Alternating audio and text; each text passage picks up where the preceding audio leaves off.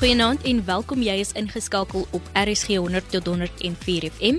Ek is Tenita Kadello en ek staan in vir Jamie Arnoldus met jou Dinsdag aand hersiening.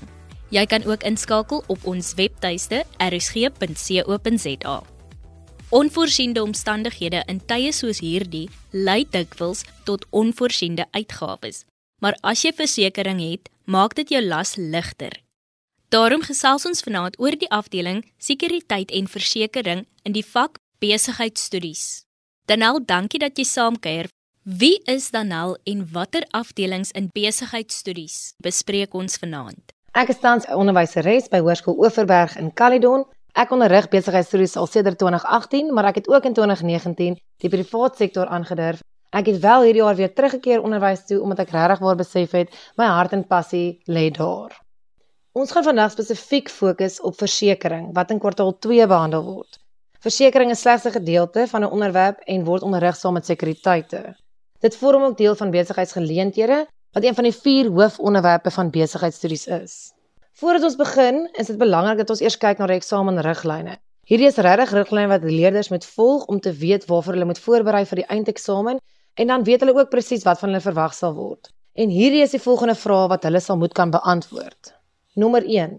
Die betekenis van versekering moet hulle kan definieer. Nommer 2. 'n Onderskeiding kan tref tussen verpligte en nie verpligte versekering. Nommer 3. Hulle moet ook in die volgende versekeringskonsepte kan verduidelik. Daar is 4 versekeringskonsepte wat hulle gaan moet verduidelik. En hulle is: oorversekering, onderversekering, 'n averryklousule en herinbesitstelling. Hulle moet mooi luister. Daar's 4 versekeringskonsepte en dan is daar ook 4 versekeringsbeginsels wat hulle later gaan moet leer. Nommer 4 sê leerders moet ook die verskille tussen oor en onderversekering kan verduidelik. Hulle moet ook kan onderskei tussen versekering en assuransie, sowel as 'n voorbeeld gee van elk. Nommer 6 sê leerders moet voorbeelde van kort en langtermynversekering kan noem. Nommer 7 sê leerders moet die volgende beginsels van versekering kan bespreek. Dis soos ek genoem het, daar is versekeringsbeginsels wat ons nou die 4 van gaan noem en die ander 4 wat hulle gaan moet weet is versekeringskonsepte. Die vier beginsels is die volgende: skadeloosstelling, sekuriteitstelling, uiterse goeie trou en versekerbare belang. Nommer 8 sê hulle moet die averryklousule om die vergoeding in die geval van onderversekering te bereken kan toepas. Nommer 9 sê leerders moet die voordele van versekering ook kan verduidelik. Nommer 10 die betekenis van versekerbare en nie versekerbare risiko's kan verduidelik. Nommer Hulle moet ook voorbeelde van versekerbare en nie versekerbare risiko's kan noem. Nommer 12 sê hulle moet kan uitbrei oor die betekenis van verpligte versekering.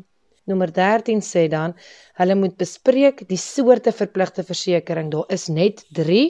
Die eerste een is werkloosheidsversekeringsfonds WVF, die padongeluksfonds, die POF en dan natuurlik die wet op vergoeding vir beroepsbeserings en siektes.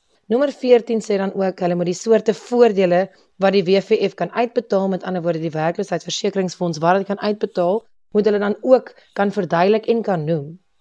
Nommer 15 sê hulle moet kan identifiseer die soorte verpligte versekering uit gegeewe scenario's of stellings. Nommer 16 sê hulle moet kan onderskei tussen verpligte en nie verpligte versekering en voorbeelde gee van elk. En dan die laaste ene is, hulle moet maar regtig op hoogte bly van veranderinge in die wetgewing Ehm um, byvoorbeeld dat die padongelukkige fonds in die proses is om oor te skakel na die padongelukkige voordele skema. So dit is dingetjies wat hulle regtig waarin belang moet neem. Ek wil graag vra dat die luisteraars asseblief kennis sal neem dat weens die beperkte tyd van die program en die groot hoeveelheid inhoud wat ons het, ek nie als gaan behandel nie, maar dat ek wel so ver as moontlik raad sal gee vir leerders om die vrae te kan beantwoord en die hoofpunte wat redelik baie al gevra is en vraestelle deur te werk. Dis ook belangrik dat leerders oplet dat die spesifieke onderwerp waarmee ons nou besig is, baie terminologie bevat. Kom ons begin. Die heel eerste vraag is die betekenis van versekering. Die maklikste om dit te verduidelik is: versekering verwys na die dekking vir 'n moontlike gebeurtenis wat 'n bepaalde verlies kan veroorsaak. Met ander woorde, ietsie wat kan gebeur en dan wat 'n verlies dit wel kan veroorsaak. Dit kan ook beskryf word as 'n kontrak tussen 'n persoon wat versekeringsdekking vereis en die versekeraar wat die finansiële risiko dra. Dan nommer 2 sê ons onderskei tussen verpligte en nie verpligte versekerings. Die wenk wat ek graag hier wil gee, is dat indien hulle ooit in 'n vraagstel vra onderskei of vergelyk dat die persoon of die leerder of die graad 12 leerder dit sal antwoord in 'n tabelformaat. Dit maak dit makliker vir hulle om die feite goed uiteen te stel en ook vir die merker om die punte toe te ken. Verpligte versekerings aan die een kant van die tabel as ons daarna kyk in tabelformaat word deur die wet vereis. Onthou ons het net nou met die vraag mooi deurgegaan dat daar net 3 soorte verpligte versekerings is. So die eerste punt om te onderskei van verpligte versekerings is dat dit deur die wet vereis word. Die volgende een sê dit word deur die regering gereguleer en vereis nie 'n versekeringskontrak nie. En dan sê hulle betaling is in die vorm van 'n bydrae wat betaal word in 'n gesamentlike fonds waaruit voordele geëis kan word onder sekere omstandighede. Dan is daar nie verpligte versekerings natuurlik aan die ander kant van die tabel as ons dit nou so beantwoord. Nie verpligte versekerings is vrywillig. 'n Versekerde betree met ander woorde 'n versekeringskontrak met die versekeraar wat deur 'n versekeringsmakelaar verteenwoordig mag word. En dan natuurlik sê hulle ook hierso maandelikse of jaarlikse bybetalings of premies wat gemaak moet word om die dekking te geniet van 'n genomineerde risiko. Met ander woorde, met nie verpligte versekerings word daar 'n maandelikse premie of 'n jaarlikse betaling gemaak om seker daarvan te maak dat indien daar iets gebeur, jy wel die geld kan terugkry. Dan nommer 3 sê leerders moet ook die volgende versekeringskonsepte kan verduidelik. Ek vra weer eens en ek beklemtoon dat leerders asseblief nie verwar moet raak met die vier versekeringskonsepte en die vier versekeringsbeginsels nie. Ons praat nou oor die vier versekeringskonsepte. Ehm um, nog 'n wenk, ek sal ook voorstel dat leerders met die vier konsepte spesifiek oplet na die woorde om dit makliker te onthou. Byvoorbeeld oorversekering, sê klaar dat dit te veel is. Met ander woorde, ons begin oorversekering, as ek dit moet verduidelik, is dit wanneer die item verseker word vir meer as die werklike markwaarde. Onderversekering sê natuurlik vir ons te min. So as ek dit moet verduidelik, sal ek sê dit kom voor wanneer eiendom of bates verseker word vir minder as hulle volle markwaarde. Dan die averyklousule.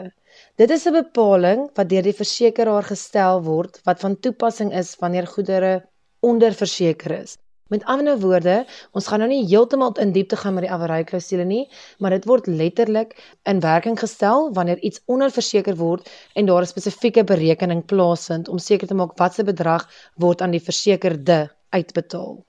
En dan die laaste konsep is herinbesitstelling. Dit is 'n bepaling waar volgens die versekeraar verlore goedere vervang word in plaas van vergoeding betaal Met ander woorde, in plaas waarvan hulle die geld terugbetaal vir jou horlosie wat gesteel was, gee hulle vir jou presies dieselfde horlosie terug. Goed, dan nommer 4 sê, onderskei tussen versekering en assuransie en gee 'n voorbeeld van elk. Ek het persoonlik gevind dat van die kinders bietjie sukkel met die verskil tussen die twee, maar as jy kyk daarna en jy probeer dit so maklik as moontlik vir hulle verduidelik soos wat ek vir julle nou gaan verduidelik, glo ek vas julle sal dit maklik kan onthou. Weereens is onderskei, onthou om dit in tabelformaat te beantwoord vir jou gemak en dan ook vir die merker. Versekering sê gebaseer op die beginsel van vrywaring. Met ander woorde, as jy dink aan vrywaring, as jy die woord wil onthou, dan dink jy aan jou ouers wat 'n vrywaringsfonds moes invul as jy op enige iewers heen moes gaan vir die skool. Dan nommer 2, die versekerde dra die koste van potensiële verlies oor aan die versekeraar teen 'n sekere premie. Dit dek 'n spesifieke gebeurtenis wat mag gebeur. Met ander woorde, dis nie te sê dat dit wel gaan gebeur nie, dit kan gebeur. En dit is van toepassing op korttermynversekering en 'n voorbeeld daarvan is byvoorbeeld diefstal of brand. Assuransie, as jy daarna kyk, sal jy sien dit is gebaseer op die beginsel van sekuriteit. Nou as ek dink aan sekuriteit, dan dink ek aan veiligheid en as jy dit nou so wil onthou, dan dink jy assuransie beteken veiligheid vir iemand as jy nie meer daar is nie. Die versekeraar onderneem om 'n ooreengekome bedrag te betaal na verloop van 'n sekere periode verby is of met die dood van die versekerde wat ook al eers gebeur. Dis 'n spesifieke gebeurtenis, is 'n sekerheid, die tyd van die gebeurtenis is net onseker. Met ander woorde, assuransie is ietsie wat verseker gaan gebeur. Versekering is iets wat miskien mag gebeur, maar dit is nie 100% seker dat dit wel gaan gebeur nie en assuransie is van toepassing op langtermynversekering. 'n Voorbeeld hiervan is 'n lewensversekering of 'n aftreeanniteit. Jy is nog steeds ingeskakel op RSG 100 tot 104 FM. Ek is Tenita Kadella. Op die lyn is Danel Pinaar, 'n besigheidsstudie onderwyseres by Hoërskool Oeverberg in Caledon en ons bespreek die afdeling versekerings. Volgende moet leerders die beginsels van versekerings kan bespreek. Soos voorheen genoem, gaan ek dit weer sê, leerders moet asseblief nie verwar word met die vier versekeringskonsepte en met die vier beginsels van versekering nie. Belangrik met bespreking van hierdie beginsels is dat die leerders die kern daarvan verstaan. Die verduidelikings kan al de mekaar maak, maar om so 'n konsep te kan bespreek, moet dit hulle die beginsel daarvan verstaan. Die eerste een is vrywaring. As jy opgelet het met die vorige um, onderskeiding wat ons getref het met vraag 4, sal jy sien die eerste beskrywing van vrywaring is daar ook van toepassing. Dit sê dit beskerm die versekerde teen die gespesifiseerde gebeurtenis wat mag voorkom. Dit is gewoonlik van toepassing op korttermynversekering aangesien die versekerde vergoed word vir 'n gespesifiseerde skade, met ander woorde ietsie spesifiek wat gebeur, soos diefstal of brand. Sekuriteit se doel is om finansiële versekering aan die versekerde te bied by aftrede of die van die afhanklikes of die oorledene. 'n voorafgestelde bedrag sal uitbetaal word wanneer die versekerde 'n voorafbepaalde ouderdom bereik of as gevolg van 'n voorafbepaalde gebeurtenis of siekte. Dit is natuurlik van toepassing op langtermynversekering en dit sal wees ietsie soos lewensversekering. Dan is die derde beginsel uiters 'n goeie trou. Indien jy in enige versekeringskontrak ingaan of in enige kontrak ingaan, is dit baie belangrik dat die versekerde moet eerlik wees om besonderhede te verskaf wanneer hy 'n versekeringskontrak aangaan. Die versekerde moet alles bekend maak wat die omvang van die risiko kan beïnvloed. Met ander woorde, 'n versekeringsmaatskappy sal nie uitbetaal indien daar nie uiters 'n goeie trou tussen die versekerde en die versekeraar is nie. Dan is die 4de en die laaste beginsel versekerbare belang. En dit sê die versekerde moet bewys dat hy of sy 'n finansiële verlies sal ly indien die versekerde voorwerp beskadig of verlore word of ophou om te bestaan. Die versekerbare belang moet uitgedruk word in finansiële terme. Met ander woorde, wat is dit wat jy verseker werd? Goed, dan kyk ons na nommer 6. Leerders moet die betekenis van versekerbare en nie versekerbare risiko's kan verduidelik en 'n voorbeeld vernoem van elk. 'n Versekerbare risiko sê al klaar vir jou, dit is 'n risiko wat 'n versekeringsmaatskappy wel kan dek. So hier sê hulle vir die beskrywing, hierdie risiko's word verseker deur versekeringsmaatskappye. 'n Voorbeeld daarvan is diefstal. Dan sê hulle vir ons 'n nie versekerbare risiko word nie verseker deur versekeringsmaatskappye nie, want die versekeringskoste is te hoog. Met ander woorde, hulle kan nie 'n plek of 'n besigheid of 'n individu byvoorbeeld verseker vir iets wat veroorsaak word deur oorlog, 'n verlies veroorsaak deur oorlog nie. Die risiko is net te groot. Dan by nommer 7 het hulle vir ons gesê, die leerders moet die soorte verpligte versekerings, byvoorbeeld die werkloosheidsversekeringsfonds, die padongelukkefonds en die wet op vergoeding vir beroepsbeserings en siektes kan bespreek. Die leerders moet asseblief weet dat daar slegs 3 verpligte versekerings is, soos voorheen genoem. Kom ons kyk na die heel eerste een, die werkloosheidsversekeringsfonds, die WVF. Ek hoop julle het in die afgelope tyd nogal redelik baie van die WVF gehoor of van UAF, want veral in ons Grendeltydperk en die COVID-19 tydperk het WVF baie uitbetaal aan besighede en maatskappye om hulle werknemers te help en ook werknemers natuurlik wat hulle werk verloor het. Kom ons kyk na die fisiese beskrywing daarvan. Die WVF bied voordele aan werkers wat gewerk het en werkloos geraak het om verskeie redes. Besighede dra 1% van die basiese loone teenoor WVF by. Dis verminder die koste van die verskaffing van die WVF voordele self. Werknemers dra ook 1% van hulle basiese loon by WVF by en dan alle werknemers wat minstens 24 uur per maand werk, moet geregistreer wees vir WVF. Dan kyk ons na die padongelukke fonds of soos ons weet dit gaan nou onlangs verander na padongelukke voordele skema. Hulle sê hierso vir ons dit verseker padgebruikers teen die nalatigheid van ander padgebruikers. Hulle sê ook hierso, die padongelukke fonds bied verpligte dekking vir alle padgebruikers in Suid-Afrika wat Suid-Afrikaanse besighede natuurlik insluit. En dan sê hulle ook hierso vir ons, bestuurders van besigheidsvoertuie word vrygestel teen eise deur persone wat beseer word in voertuigongelukke. Die padongelukke fonds word ook befonds dan natuurlik waar kry hulle die geld vandaan om dit uit te betaal? Dit is deur 'n heffing op die verkoop van brandstof, diesel of petrol. En dan kyk ons na die laaste verpligte versekering en dit is die wet op vergoeding vir beroepsbeserings en siektes. Die fonds sê presies wat die naam sê, Dit dek beroepsiektes en werksbeserings. Dit vergoed werknemers vir beserings en siektes wat by die werk aangegaan word. Die vergoeding wat betaal word, word bepaal deur die graad van ongeskiktheid. Met ander woorde, hoe ernstig was die saak of hoe ernstig het die personeel het of die werknemer seer gekry en daarvolgens word die vergoeding bepaal. Die bydrae wat betaalbaar word, word elke jaar hersien volgens die risiko verbonde aan die tipe werk. Laastens gaan ons praat oor die werkloosheidsversekeringsfonds se voordele. Leerders moet die soorte voordele van die werkloosheidsversekeringsfonds kan uitbetaal, wat hulle kan uitbetaal, kan verduidelik en natuurlik noem. Daar is 5 soorte voordele. Die eerste ene is die een wat sommer in die naam is en dit is werkloosheidsvoordele. Werknemers wat werkloos word weens herstrukturering kan binne 6 maande nadat hulle werkloos geword het eis. Met ander woorde, 'n werknemer mag eers 6 maande werkloos wees en daarna mag hy van die werkloosheids ehm um, WVF eis. Dan sê hulle ook hierso werklose werknemers mag slegs eis indien hulle bygedra het tot die werkloosheidsversekeringsfonds en geen belasting is betaalbaar op werkloosheidsvoordele nie. Dan is die volgende voordeel wat ook sal uitbetaal van die WVF, siektevoordeel. Werknemers mag hierdie voordele ontvang indien hulle nie meer as 14 dae kan werk sonder 'n salaris of 'n gedeelte van die salaris te ontvang nie. Hulle mag nie hierdie voordele eis as hulle mediese behandeling weier nie. Dan die derde voordeel is kraamvoordele. Swanger werknemers ontvang hierdie voordele vir 4 agtereenvolgende maande. As 'n werknemer 'n miskraam gehad het, kan sy tot 6 weke of vir 42 dae eis. Die vierde voordeel waarvan hulle kan eis is aannemingsvoordele. Werknemers mag hierdie voordele ontvang indien hulle 'n kind jonger as 2 jaar aanneem. Werknemers wat onbetaalde verlof neem, mag deel van hulle salaris kry terwyl hulle die kind by die huis versorg. En dan die laaste ene is afhanklikes se voordele. Afhanklikes mag aansoek doen om hierdie voordele indien die broodwinner sterf wie bygedra het tot WVF. Met ander woorde, indien die broodwinner die man was en hy het afgesterf, mag die vrou by die WVF eis. Die eggenoot van die oorledenes kan eis of hy of sy in diens is of nie.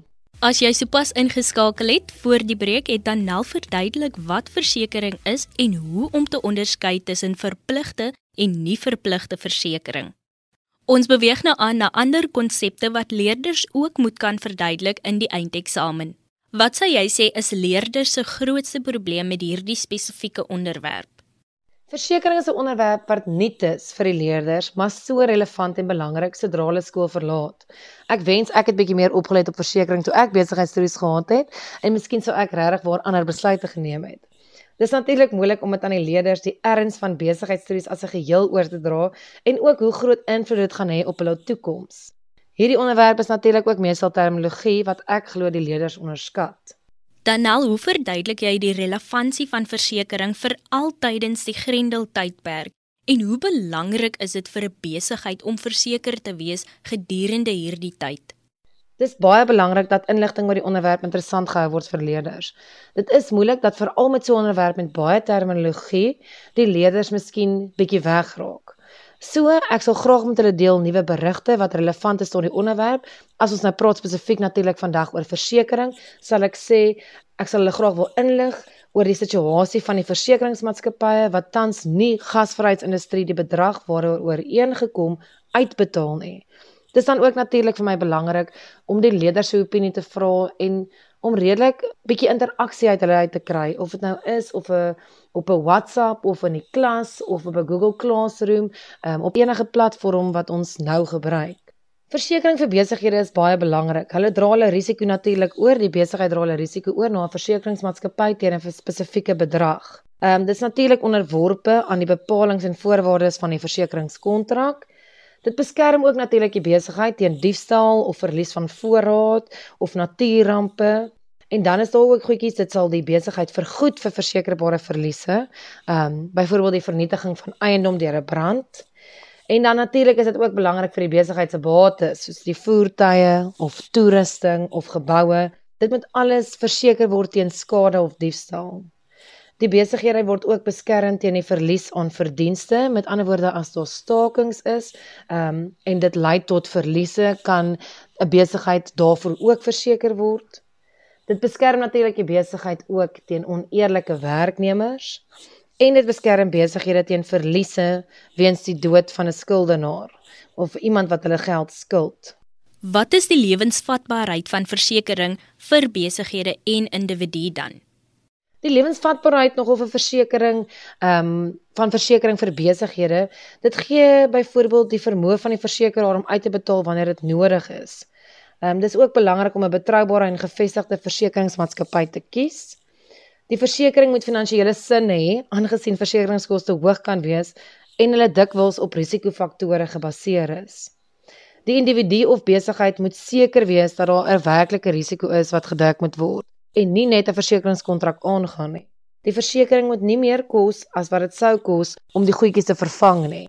Die versekerde moet alle redelike stappe neem om die risiko self te verminder en die versekeringsmaatskappy oor die depresiasie van hul bates in te lig. Kom ek gee 'n voorbeeld van die laaste punt. 'n Klein onderneming sal byvoorbeeld minder betaal om sy kantoortoerusting te verseker as dit goeie sekuriteit en 'n alarm het. Dit moet ook onthou word um, vir die waarde van sy toerusting elke jaar aan te pas aangesien dit depresieer. Dan nou soos wat ek weet, bestaan die besigheidstudie eindeksamen uit twee vraestelle. In watter vraestel is die onderwerp versekerings en watter raad het jy vir graad 12 van 2020 met betrekking tot die eindeksamen? Versekering vorm deel van vraestel 2 wat bestaan uit besigheidsgeleenthede en besigheidsrolle wat natuurlik deel vorm van die vier hoofonderwerpe van besigheidstudies. My persoonlike raad sou wees om soveel vraestelle as moontlik deur te werk. En die rede hiervoor is dat met die verandering van die CAPS dokument, hulle nie nou in kwartaal 2 'n vraestel skryf nie. Met ander woorde, hulle skryf eers weer formele vraestel met rekordeksamen. Dit is van uiterste belang dat leerders weet hoe 'n vraestel gevra word en ook hoe om dit te beantwoord. Dan sal ek ook sê dat hulle kernwoorde moet uithaal uit hul werk en vir hulle betrokke onderwysers moet vra of die kernwoorde van belang is. Ek sou ook sê hulle moet nou al begin leer en nie die inhoud onderskat nie. Lees ook asseblief die vrae deur graad 12s en maak seker jy antwoord wat gevra word. Byvoorbeeld kernwoorde soos onderskei, noem, definieer, gee 'n voorbeeld. Dit is belangrik dat jy sal weet hoe om dit te doen. Mens kan natuurlik met besigheidstories nooit te veel skryf nie, maar hou natuurlik net jou tyd dop. Leerders moet soveel as moontlik op sosiale media of gedrukte media lees oor berigte wat relevant is tot die verskillende onderwerpe van besigheidstories. Dit is nie net belangrik vir die vak besigheidstories nie, maar ook net vir kennis en ervaring en dinge wat hulle kan help as hulle eendag die werksplek betree. Leerders moet hulle kant bring en vra vir ondersteuning by hulle verskeie skole, families of selfs vriende. En dan aan alle ouers wat luister, ondersteun die kind en help waar moontlik. Dankie ook vir die insette in ons leerders van vandag. Dit bring dan my en Danel Pinaar, 'n besigheidstudie onderwyseres by Hoërskool Oeverberg in Caledon, se hersieningssessie tot 'n einde. Onthou, indien jy enige van ons programme gemis het of net weer daarna wil luister, kan jy dit aflaai op ons webtuiste rsg.co.za. Klik op die potgooi skakel en soek onder K vir Kompas. Jy kan ook 'n SMS stuur na 45889 teen R1.50 per SMS.